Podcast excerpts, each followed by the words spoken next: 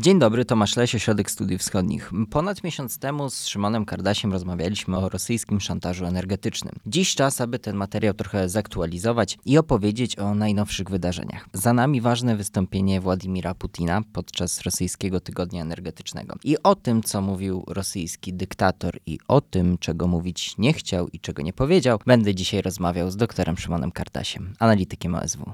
Dzień dobry. To jest podcast Ośrodka Studiów Wschodnich.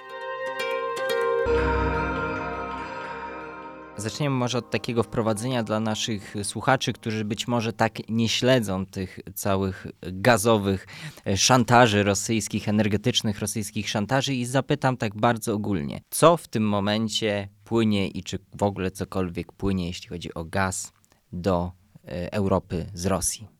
Jeśli chodzi o gazociągi, które Rosja wykorzystywała i wykorzystuje do eksportu swojego gazu na rynek europejski, to działają następujące. Płynie gaz rosyjski przez sieć ukraińską, przy czym na poziomach dużo niższych niż te, które są zakontraktowane w ramach umów z grudnia 2019 roku, bo średnio ten przesył to jest gdzieś tam w okolicach 40 milionów metrów sześciennych na dobę, a te zakontraktowane ilości to są w okolicach 709 milionów metrów sześciennych. Płynie rosyjski gaz nadal przez gazociąg czarnomorski Turkstream, który ma dwie nitki. Jedna nitka służy do zaopatrywania rynku tureckiego, druga nitka wykorzystywana jest do zaopatrywania e, krajów e, południowej Europy i częściowo Europy Środkowej. Tą nitką na przykład otrzymują gaz e, takie kraje jak, jak Serbia czy Węgry. No i wreszcie trzeci gazociąg również, który biegnie przez Morze Czarne, to jest gazociąg Blue Stream, który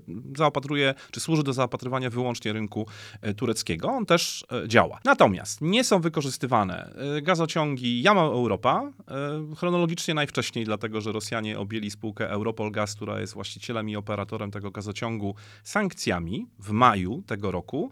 I to oznacza tak naprawdę dla Gazpromu prawny zakaz wykorzystywania tego gazociągu do eksportu gazu na rynek europejski oraz e, nie działają e, gazociągi Nord Stream 1 e, składający się z dwóch nitek. On tak naprawdę przestał działać pod koniec sierpnia, kiedy Gazprom po raz kolejny zaczął go poddawać remontom. No i po w tych cudzysłowie. w cudzysłowie i po tych trzech zapowiedzianych dniach remontu on już do eksploatacji nie wrócił, a zanim zaczęła się taka poważniejsza eskalacja energetyczna, on był wykorzystywany praktycznie na 100% swoich możliwości. Jeszcze do początku czerwca tego roku e, no, praktycznie działał na pełną moc. No i nie działa również gazociąg Nord Stream 2. Przy czym on nie działał nigdy w takim użyciu komercyjnym, dlatego że on został zbudowany i budowa została fizycznie, znaczy szczęśliwie zakończona, szczęśliwie dla Rosji, w, we wrześniu 2021 roku, ale nie został oddany do komercyjnej eksploatacji, bo nie przeszedł jeszcze tak zwanej certyfikacji, czyli oceny zgodności, czy ustalenia pewnych zasad eksploatacji tego gazociągu tak, by były one zgodne z prawem unijnym. Więc mamy dwa rurociągi przez Morze Czarne, jeden przez Ukrainę działający, no a pozostałe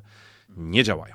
Rosja stara się stosować na różnych poziomach i w różnym natężeniu metodę kija marchewki wobec, wobec Zachodu, wobec Europy. Najpierw skupimy się na tym kiju, czyli groźbie kolejnej eskalacji na czym ona może polegać i czym grozi Rosja w tym momencie Europie. Jak rozumiem, odcięciem tego, tego co płynie, ale także jest kwestia łącznika między Europą a Azją. Tak, i tu jest kilka elementów. To znaczy, po pierwsze, to, co się pojawiło jako pewne nowum po aktach dywersyjnych na gazociągach Nord Stream 1 i Nord Stream 2, to e, niebezpieczeństwo związane z zagrożeniem e, infrastruktury energetycznej, która e, istnieje i działa w, w państwach europejskich. Dlatego, że no, po tym, kiedy doszło do tych aktów dywersyjnych, no, wszyscy zaczęli się zastanawiać, czy ich infrastruktura, czy mam na myśli tutaj państwa europejskie, jest bezpieczna i wiemy, bo dochodzą do nas różne medialne medialne doniesienia a propos jakichś dziwnych zdarzeń, które już zaczynają mieć miejsce na różnych obiektach infrastruktury,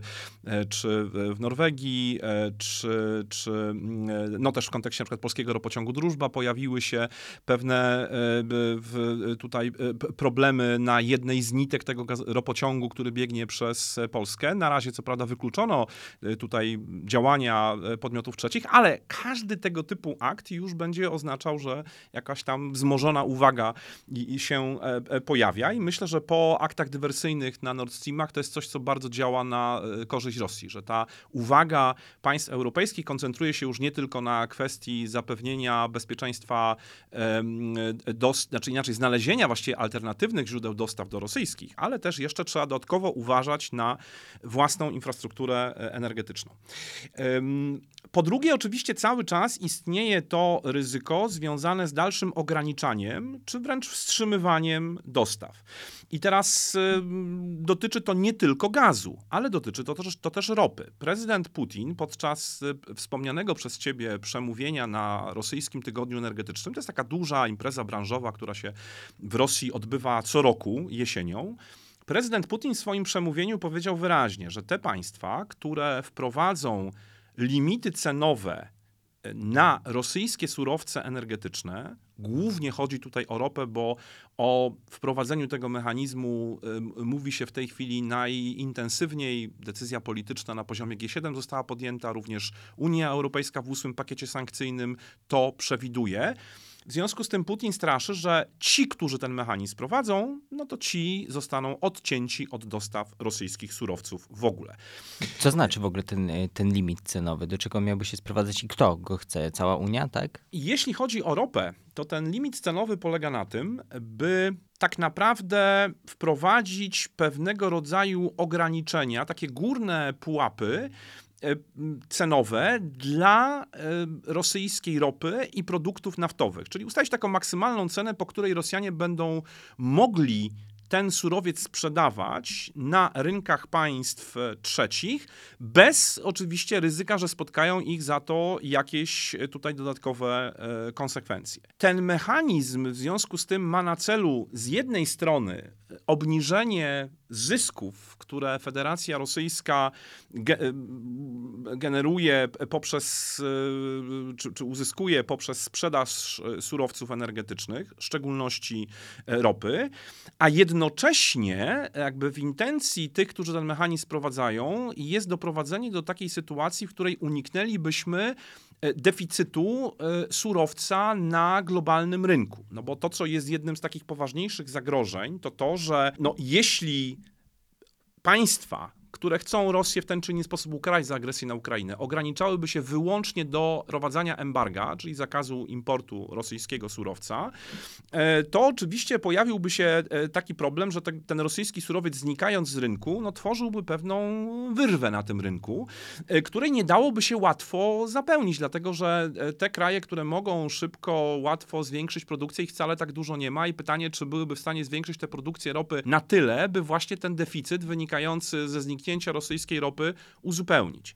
Więc chodzi o to, żeby stworzyć taki mechanizm, który z jednej strony finansowo w Rosję uderzy, a z drugiej strony nie zniechęci Rosji do tego, by nadal produkować i sprzedawać na rynku, e, no nie doprowadzając do sytuacji jakiej, jakiejś takiej poważniejszej nierównowagi. Tak? Więc, więc Putin straszy, że ktokolwiek się do takiego mechanizmu podłączy, no musi się liczyć z tym, że Rosja mu te dostawy e, odetnie. I wreszcie e, to, co jeszcze tutaj się pojawia jako pewien element e, taki właśnie dotyczący e, groźby ograniczenia czy, czy, czy wstrzymania, to są takie sygnały, które strona rosyjska wysyła w odniesieniu do tej jeszcze działającej infrastruktury gazowej, którą wykorzystują dla eksportu gazu na rynek europejski i nie tylko. Dlatego, że Gazprom straszy ukraiński Naftogaz, że może zostać objęty rosyjskimi sankcjami, a wtedy e, oczywiście Gazprom nie mógłby utrzymywać z nim żadnych e, kontaktów handlowych, czyli nie płacić za tranzyt, czyli finalnie oznaczałoby to odcięcie tranzytu przez Ukrainę,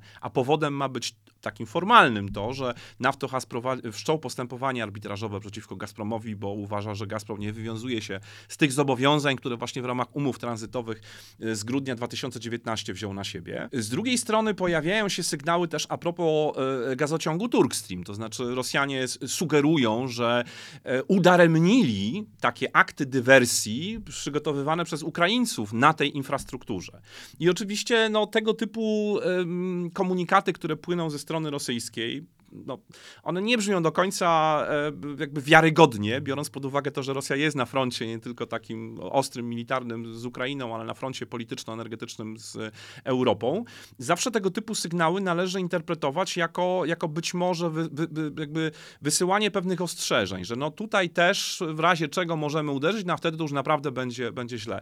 Przy czym mam wrażenie, że jeżeli chodzi o ten Turk Stream, e, to jakikolwiek akt dywersji, który mogłaby sprowokować Rosja, jest jednak na obecnym etapie nieco mniej prawdopodobny, dlatego że no, tą, tymi nitkami z jednej strony, jak powiedzieliśmy, zaopatrywana jest Turcja. Nie wiem, czy w interesie rosyjskim jest uderzanie tutaj bezpośrednio e, e, w Turcję, czy antagonizowanie sobie Turcji, szczególnie, że pojawiła się ta koncepcja hubu, do której dojdziemy. A po drugie, jeśli chodzi o tą nitkę eksportową, to też mam wątpliwości, czy Biorąc pod uwagę fakt, że tą nitką płynie gaz do y, Serbii, płynie gaz na Węgry, a to są kraje, które jednak mają, mówiąc dyplomatycznie, bardzo duży poziom wrażliwości co do rosyjskiej y, polityki. Y, Minister Spraw Zagranicznych Węgier ostatnio tournée odbył przecież, odwiedzając też i rosyjską, ten rosyjski tydzień energetyczny i przeprowadzając rozmowy z Gazpromem i z Rosatomem. W związku z tym e, podkreśla, że ta współpraca energetyczna z Rosją ma dla Węgier ważne znaczenie.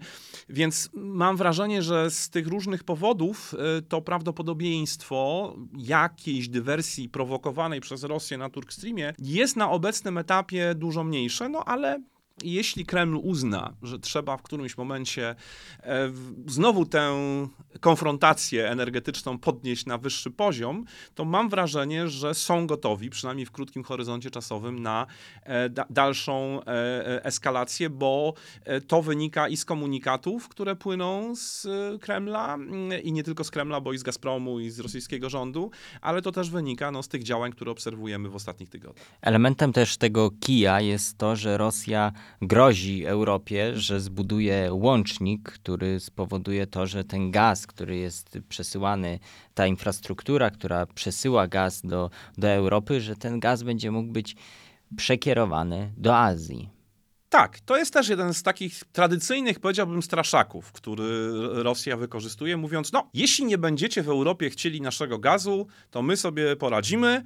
E, zbudujemy kolejny gazociąg e, do Chin, połączymy sieć gazową europejską z siecią, e, którą budujemy na wschodzie, stworzymy sobie w związku z tym możliwości przekierowywania tego eksportu, no i wtedy to Europa będzie miała problem, no bo my będziemy ten gaz sprzedawać komu innemu na tych rynkach, które tego gazu będą potrzebować. Brzmi prosto, ale chyba tylko w teorii. No właśnie, brzmi prosto. Co więcej, prezes Gazpromu właściwie podczas swojego wystąpienia na tym ostatnim rosyjskim tygodniu energetycznym powiedział, że w zasadzie Gazprom przystępuje do realizacji tego e, projektu. I, I, oczywiście jakkolwiek ten projekt ma znaczenie nie tylko, znaczy to, to budowa tego łącznika, ona ma znaczenie nie tylko eksportowe, bo tak naprawdę ona się też wpisuje w pewien realizowany od wielu, wielu lat przez Gazprom e, pro, e, program gazyfikacji kraju, a jest to jedno z zadań zleconych przez Władimira Putina. I tutaj Gazprom chce czy nie chce, musi gazyfikować Rosję, bo takie jest polecenie. Podejrzewam, że nie jest jest jakoś specjalnie zachwycony, bo to nie są e, jakoś szczeg szczególnie e, e, przyjemne dla Gazpromu obowiązki, też nie, nie generujące jakichś, jakichś wpływów.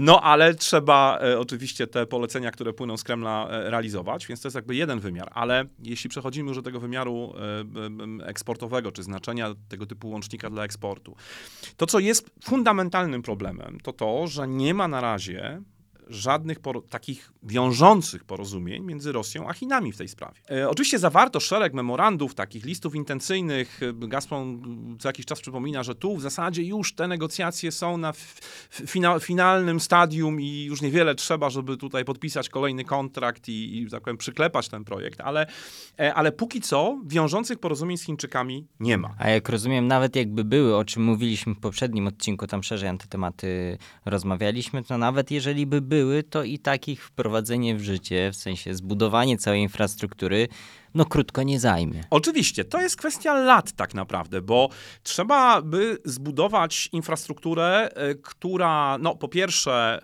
e, przechodziłaby przez terytorium Rosji i rzeczywiście łączyła tą część e, europejską z tą częścią wschodnią. Po drugie, wybudować ten tranzytowy gazociąg przez Mongolię. Tutaj Gazprom jest też dość paradoksalny, jest bardziej zaawansowany w rozmowach z Mongołami w sprawie projektu Siła Syberii 2 niż z Chińczykami, które to Chiny miałyby być ostatecznie odbiorcą tego tego gazu. E, Więc wybudowanie jeszcze tej rury e, tutaj przez Mongolię tranzytowej, no i wreszcie oczywiście tego jakiegoś tam łącznika transgranicznego między Mongolią a Chinami, no i mm, wybudowanie jakiejś, czy, czy rozbudowa infrastruktury też po stronie chińskiej.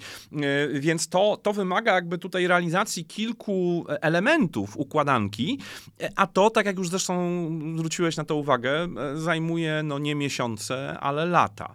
W związku z tym i jeszcze jeżeli do tego dołączymy jeden element, to znaczy jaka będzie przepustowość tej infrastruktury. No mówi się na razie o około 50 miliardach metrów sześciennych, tak? Jeżeli weźmiemy pod uwagę dane za 2021 rok i dostawy rurociągowe do Europy na poziomie 145 miliardów metrów sześciennych, no to nawet jeżeli te 50 byliby w stanie przekierować na Chiny, zakładając, że oczywiście Chiny byłyby w stanie tyle zaabsorbować, bo to też nie jest dla mnie oczywiste, ale zakładając, że wszystko się układa maksymalnie po myśli Rosji, że szybko się dogadują z Chińczykami, dogadują się na te maksymalnie rozważane w tej chwili wolumeny, no to i tak 50 a 145 to jest dość poważna e, różnica. Teraz y, chwilę o marchewce, którą Rosjanie proponują, a to, ta marchewka nosi nazwę Nord Stream 2. Tak, to jest e, marchewka numer jeden, bo e, jakby e, rozkładając tę taką marchewkę sensu largo na, na, na mniejsze czynniki, czy też tak powiem ro, ro, roz, roz, rozczłonkowując może na jakieś takie mniejsze kawałeczki, to, to, to byłaby taka marchewka numer jeden. I teraz Władimir Putin poza tym, że postraszył, to powiedział tak, no ale jeżeli Europa, bo my przecież jesteśmy cały czas gotowi, my, Rosja, do współpracy, jesteśmy gotowi, jak powiem, słać tyle gazu, ile jest potrzebne. Zresztą Władimir Putin tutaj mijał się trochę z prawdą, mówiąc, że Rosja wysyła tyle gazu, ile jest zakontraktowany. No nie, nie wysyła, bo, e, bo to, to, co obserwujemy od wielu, wielu miesięcy, pokazuje, że Gazprom no, nie wywiązuje się nawet z tych podstawowych zobowiązań kontraktowych, które ma wobec odbiorców europejskich. Ale Władimir Putin mówi tak, że no pamiętajmy, że oczywiście trzy nitki Nord Streamu zostały uszkodzone. Jest to akt terroryzmu międzynarodowego. Wiemy, komu to służy. Czytaj Amerykanom e, i innym państwom Zachodu, które się projektowi sprzeciwiały, ale jest jeszcze trzecia nitka, czwarta nitka. Ta druga, nieuszkodzona nitka Nord Stream 2 i my tą nitką jesteśmy gotowi te 27,5 miliarda metrów sześciennych gazu wysyłać. Piłka jest po stronie europejskiej, co oznacza certyfikujcie e, e, szybko ten gazociąg, złóżcie zamówienia, a my wtedy poślemy tyle gazu, ile będzie potrzebne.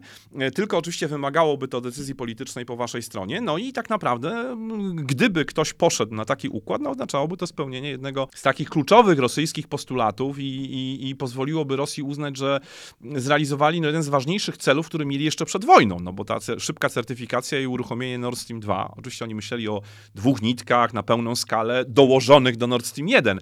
Ale e, no przynajmniej częściowo w tych warunkach, ob- które mamy w tej chwili, e, ten cel udałoby im się zrealizować, tak? Że, że Europa się ugięła, gazociąg certyfikowano i, i gaz popłynął. No na razie sygnałów, e, że ktoś jest gotowy to robić nie ma. Stanowisko niemieckie jest tutaj dość jasne, e, więc trudno oczekiwać, by coś miało ulec zmianie w najbliższym czasie. Ale marchewka ma, jedna mała marchewka jest. No i jest jeszcze druga marchewka, e, e, e, którą jest pomysł zgłoszony najpierw podczas tego rosyjskiego tygodnia energetycznego, a później powtórzony już w dzień później w rozmowie z prezydentem Turcji Recepem Erdoğanem. Propozycja budowy dużego rosyjsko-tureckiego hubu gazowego w Turcji. E, Jak rozumiem, ta propozycja, w niej chodzi też o próbę podzielenia Zachodu i e, doprowadzenia do jakichś konfliktów między, między Turcją a, a resztą świata Zachodu. To się z jednej strony rzeczywiście wpisuje w e, takie działania. Mam wrażenie, że Władimir Putin, nauczony zresztą doświadczeniem ostatnich dwóch dekad, doskonale wie, że jakikolwiek projekt energetyczny, a szczególnie dotyczący sektora gazowego, który zgłasza Rosja, wywołuje dyskusję w Europie. I to wywołuje je w taki sposób, który jest bardzo dla Rosji korzystny. No, przypomnijmy sobie, gazociąg, e, gaz, gazociągi takie jak Nord Stream 2. Część za, część przeciw. Europa zaczyna się spierać o projekt wewnętrznie, co oczywiście zawsze daje Rosji pewne dodatkowe polityczne e, e, dywidendy, bo lepiej jest rozmawiać z Europą podzieloną i z wybranymi partnerami niż z Unią jako całością. Projekt Turkstream, który zastąpił projekt South Stream, który to z kolei projekt miał być tak naprawdę południowym odpowiednikiem Nord Streamu. Tak? E, w, też podzielił e, e, Europę, no bo były kraje, które w ten projekt weszły, podpisywały nawet umowy międzyrządowe, były kraje, które, które uważały, że to jest nie, niebezpieczne znowu pogłębianie zależności od, od Rosji. Wreszcie jego następca, czyli projekt Turk Stream, który też okazało się, że no, część krajów na tyle przekonał, że, że zdecydowały się w niego wejść.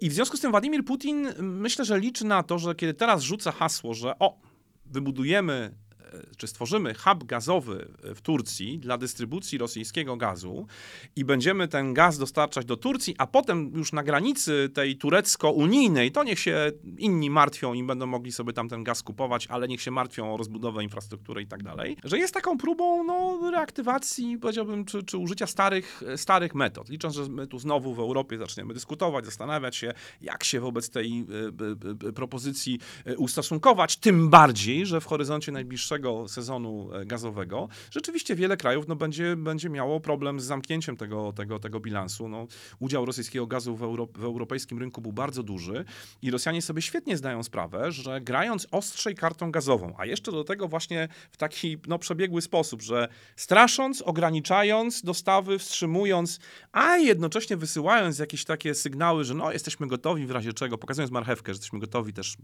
tutaj po- pozytywnie reagować, e, liczą na to, że Southampton właśnie część państw, w tym borykając się z tymi problemami, być może za- zacznie jakoś, przynajmniej o tych dys- propozycjach dyskutować, jakoś się pod nie podstrajać i mam wrażenie, że e, w, na, to, na to na Kremlu bardzo liczą. I jeszcze jedna rzecz, myślę, która tutaj jest ważna. E, To jest właśnie takie głębokie rosyjskie przekonanie i ono zresztą wybrzmiało nie tylko w wystąpieniu Putina, nie tylko tym wystąpieniu, wybrzmiewało często w innych wystąpieniach. Takie bardzo konserwatywne przekonanie wielu rosyjskich decydentów czy przedstawicieli elity polityczno-biznesowej, że Europa sobie bez rosyjskich surowców nie poradzi. Rozumiem, to jest związane z ich niską wiarą w transformację energetyczną. Tak, i ze znalezieniem alternatywnych źródeł dostaw i tak dalej. I oczywiście oni mają świadomość tego, że szczególnie w krótkim czasie takie radykalne posunięcie w postaci odcinania dostaw, wstrzymywania możliwości przesyłania takiego trwałego wybranymi szlakami, że będzie pogłębiało tą kryzysową sytuację i że ta zima się okaże tak trudna dla wielu krajów europejskich, że wszyscy się przekonają, że no w zasadzie Rosjanie mieli rację. To znaczy, że no próbowaliśmy, szukaliśmy opcji, trochę się udało zastąpić, trochę się udało zaoszczędzić, ale generalnie e, no, musimy jakoś spróbować z tą Rosją się e, porozumieć. Rosjanie bardzo na to liczą. E, Ja na obecnym etapie oczywiście nie przesądzam, jak ta konfrontacja może się zakończyć, bo jest za wcześnie, jesteśmy dopiero u progu sezonu grzewczego i ani nie- jestem hura optymistą, że wszyscy po stronie europejskiej sobie z tym świetnie poradzimy i nie pozwolimy Putinowi nas zaszantażować skutecznie. Ani też nie wierzę w to takie bardzo konserwatywne przekonanie strony rosyjskiej, że Europa się ugnie, padnie i, i po prostu kapitulacja będzie oznaczała konieczność rewizji podejścia do Rosji, do współpracy energetycznej z Rosją. Myślę, że jesteśmy w, cały czas w, w, w ramach tego przeciągania liny energetycznego, e, którego wynik nie jest e, przesądzony. Natomiast gra rosyjska jest tutaj na tym etapie dla mnie bardzo e, czytelna. Przy czym musimy też zwrócić uwagę na jedną rzecz, że ta koncepcja hubu, którą rzuca Putin, ona też nie jest nowa, bo myślę, że to jest też trochę powtórzenie pewnych pomysłów, które się pojawiały wtedy, kiedy zastąpiono South Stream Turk Streamem. No, wtedy też miały być nie dwie nitki, tak jak powstało ostatecznie, ale miały być cztery nitki przez Morze Czarne e, i u, przesyłanie tym tak wiele gazu, jak się tylko da, tymi czterema nitkami. One miały mieć łącznie przepustowość 63 miliardy metrów sześciennych. I też prezes Gazpromu mówił, że będziemy dostarczać do granicy z Unią Europejską, a dalej niech Europa sobie z tym e, radzi. No w końcu skończyło się na dwóch nitkach, w tym tylko jednej eksportowej. E, I, e, i, no i jakoś tam te, też z tego hubu na razie niewiele, niewiele wyniknęło, a teraz mam wrażenie, jesteśmy w takim punkcie, kiedy z tej koncepcji hubu może wyniknąć jakby na realnym poziomie jeszcze mniej. Ale już y, prezydent Erdoğan zareagował i według relacji medialnych optymistycznie zapatruje się na tę inicjatywę. No właśnie, i to jest też coś, co mam wrażenie leży bardzo w interesie tureckim e, i, i ta propozycja rosyjska, która jest na razie, co warto podkreślić, bardzo ogólna, ona na, napotkała na taki bardzo podatny grunt po stronie tureckiej, bo tak naprawdę Turcja e, w jednym ze swoich marzeń uczyniła e, utworzenie na swoim terytorium takiego e, rzeczywiście e, hubu gazowego i pomysł na to, by Turcja była takim ważnym szlakiem tranzytowym dla gazu, który płynie z, różnych źródeł i różnymi rurami, i azerskiego, i właśnie rosyjskiego, i potencjalnie może jeszcze z innych krajów Bliskiego Wschodu. A jeżeli do tego jeszcze miałby dojść taki komponent, że no, Turcja to nie tylko kraj tranzytowy, ale jeszcze staje się takim centrum dystrybucji gazu, bo nagle tutaj tych rur jest tak dużo i tego gazu płynie tak dużo, że Turcja może teraz wrę- wręcz tym gazem handlować. No, no, komuż by się taka idea nie podobała? Ona się świetnie wpisuje w oczekiwania e, kraju, który ma ambicje e, mocarstwowe, nawet jeżeli one są regionalne, ale to jest zawsze jednak rzecz warta od- odnotowania. Więc w pewnym sensie ta polityczna zagrywka Putina, ona też trafia na podatny taki grunt polityczny po stronie tureckiej. No a Erdoğan mówiąc, że w zasadzie koncepcja jest warta rozważenia, jednym, jednocześnie mm, w- wpisuje się w oczekiwania Putina, no bo powstaje takie wrażenie, że oto nagle rosyjska propozycja spotkała się z pozytywną reakcją i w zasadzie e, kwestia jest przesądzona. A to, że nie jest przesądzona, e, no to, e, to warto o tym powiedzieć, bo rzeczywiście jesteśmy w kompletnie innym, innej sytuacji w roku 2022 niż 2014 No i właśnie, realizacja dlaczego? tego pomysłu będzie bardzo trudna. Dlaczego? Z kilku powodów. No, po pierwsze, warto zacząć od tego, że my tak naprawdę e, o tym, co Rosjanie chcieliby zrobić z Turcją, niewiele wiemy. Poza tym, że Putin zaproponował, że e, powstanie taki hub i że w związku z tym, że uszkodzono Nord Streamy, no to możemy rozbudować infrastrukturę na południu i, e, i w ten sposób zrekompensować trochę straty infrastrukturalne, które e, wystąpiły w związku z tymi dywersjami. Ale tak naprawdę nie znamy żadnych szczegółów. Nikt niczego e, nie ujawnia, e, czy nie, nawet nie, nie proponuje, jeśli idzie o przepustowości, jeśli idzie o daty i tak dalej. E, Strony mają dopiero rozmawiać. E, Niczego, nawet żadnych wstępnych porozumień, jakichś memorandów jeszcze nie podpisano. Więc jesteśmy naprawdę na jakimś bardzo takim wstępnym e, etapie, który następuje po w zasadzie lu, lu, lu, luźno sformułowanej propozycji zgłoszonej przez stronę rosyjską. To po pierwsze. Po drugie, Gdyby nawet w najbliższym czasie, nie wiem, te negocjacje bilateralne przyspieszyły, nagle się okazuje, że strony coś podpisują, nawet bardzo wstępnego, ale no, wysyłają takie sygnały, że to nie jest luźna koncepcja, ale że przystępujemy do jej realizacji. To jej realizacja, żeby krótko mówiąc, w Turcji mógł powstać hub dla dystrybucji rosyjskiego gazu, no to potrzebne byłoby rzeczywiście wybudowanie nowych gazociągów przez Morze Czarne. A to może być bardzo, Liczba bardzo mnoga. trudne. Tak, no albo jednego, albo dwóch, no zależy jakie byłyby ambicje.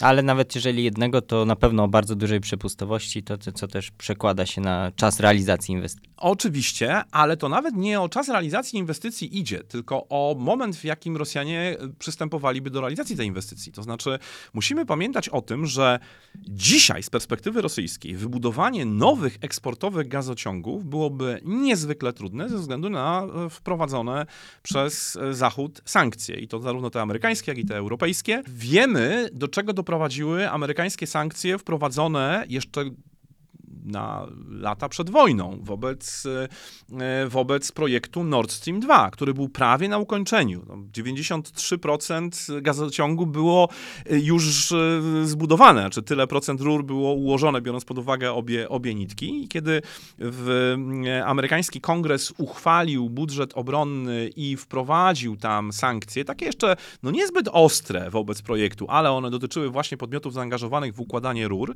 no to skończyło się tym, że statki należące do szwajcarskiej firmy Allseas opuściły grzecznie plac budowy, no a Rosjanie na rok musieli tę budowę wstrzymać. Reaktywowali ją przy użyciu własnych jednostek, które musieli wcześniej zmodernizować, no ale y, mieli tam do dokończenia relatywnie niewielki odcinek, to po pierwsze. Po drugie, y, Morze Bałtyckie jest dużo płytsze, więc jakby prowadzenie tego typu prac przy użyciu własnych jednostek było no, prostsze. I oczywiście ukończyli ten projekt z prawie dwuletnim opóźnieniem w stosunku do tego, co zakładali pierwotnie, no ale, ale jakoś tam tymi własnymi siłami y, zdołali to zrobić. Natomiast y, wybudowanie od podstaw e, y, gazociągu na Morzu Czarnym, gdzie są kompletnie inne warunki geograficzne, to na dużo większych głębokościach się wszystko odbywa. E, w tych warunkach obecnych, gdzie trudno sobie wyobrazić, by ktokolwiek ze względu na sankcje był gotów z firm zachodnich zakontraktować układanie rur, a istnieją wątpliwości, czy Rosjanie sami byliby w stanie swoją flotę przygotować do tego, by rzeczywiście taki gazociąg o własnych siłach od początku do końca ułożyć, to sankcje mogą się okazać bardzo poważnym problemem e, e, dotyczącym realizacji tej inwestycji. No i wreszcie trzeci element, e, nie, niezwykle ważny, to znaczy no, ten hub ma być dla kogoś. Ten, ten gaz dodatkowy, który płynie do Turcji, ma być dla kogoś przeznaczony. No, czytaj dla odbiorców europejskich, no bo taka jest idea wynikająca z wystąpienia Putina. Putin powiedział mniej więcej tak. Ponieważ na północy uszkodzono Nord Streamy i nie możemy wykorzystywać tej infrastruktury do eksportu gazu, a potem prezes Gazpromu dodał, że no, naprawa to mogą, mogą być lata, to Putin powiedział, dobrze, to możemy pomyśleć o tym, żeby alternatywę dla tych utraconych mocy zbudować na Morzu Czarnym.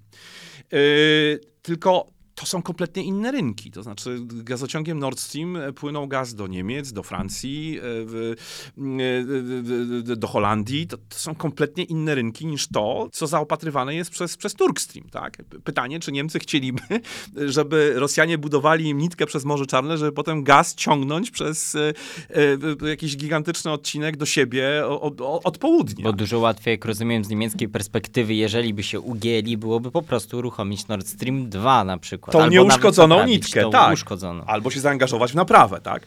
Więc, więc to, to, to się wydaje jakimś zupełnie karkołomnym e, e, e, pomysłem. Czyli Plus jeszcze do tego dołóżmy, no, że jednak dzisiaj jakby skala konfrontacji politycznej, w jakiej Zachód, czy w jakiej kraje Unii Europejskiej znalazły się z Rosją jest nieporównywalny do tego, co było w 2014 roku, kiedy Rosjanie e, anulowali South Stream i ogłosili Turk Stream, a potem, kiedy pół roku po, mniej więcej pół roku po, po, po Turk Streamie ogłoszono jeszcze Nord Stream 2. Dzisiaj warunki do tego, by wchodzić w duże projekty jakieś strategiczne z Rosją, be, będąc częścią szeroko rozumianego Zachodu, są jed, byłyby jednak dużo bardziej problematyczne jakby z takiego czysto politycznego punktu widzenia. W związku z tym, e, reasumując, ja bym na tę koncepcję patrzył na razie bardzo sceptycznie, przede wszystkim w kontekście perspektyw jej e, realizacji. Bo to, czego bym się bardzo obawiał, to to, że teraz nagle w Europie, skoro Rosjanie rzucają znowu jakieś kolejne wielkie hasło e, propagandowe, że nagle w Europie zaczynamy nad tym się zastanawiać, dyskutować, e, przywiązywać do tego nadmierną wagę. Nie pozwalajmy Putinowi e, moderować dyskusji energetycznej, która toczy się w Europie, bo zbyt często mu na to pozwalaliśmy w przeszłości. No i jak teraz widzimy, e, niezbyt dobrze się to w wielu e, przypadkach skończyło. Bardzo ładne zdanie na puentę, więc myślę, że tu zakończymy. Dziękuję za tę rozmowę. Dziękuję bardzo. My będziemy na pewno wracać do tematów energetycznych dużo, także analiz dotyczących gazu, dotyczących sytuacji e, na rynku, na rynku energetycznym na naszej stronie osw.waw.pl. Tam dużo więcej wątków i także analizy doktora Szymona Kardasia. Także dziękujemy i do usłyszenia w kolejnych odcinkach. Wysłuchali Państwo podcastu Ośrodka Studiów Wschodnich. Więcej nagrań można znaleźć na stronie www.osw.waw.pl.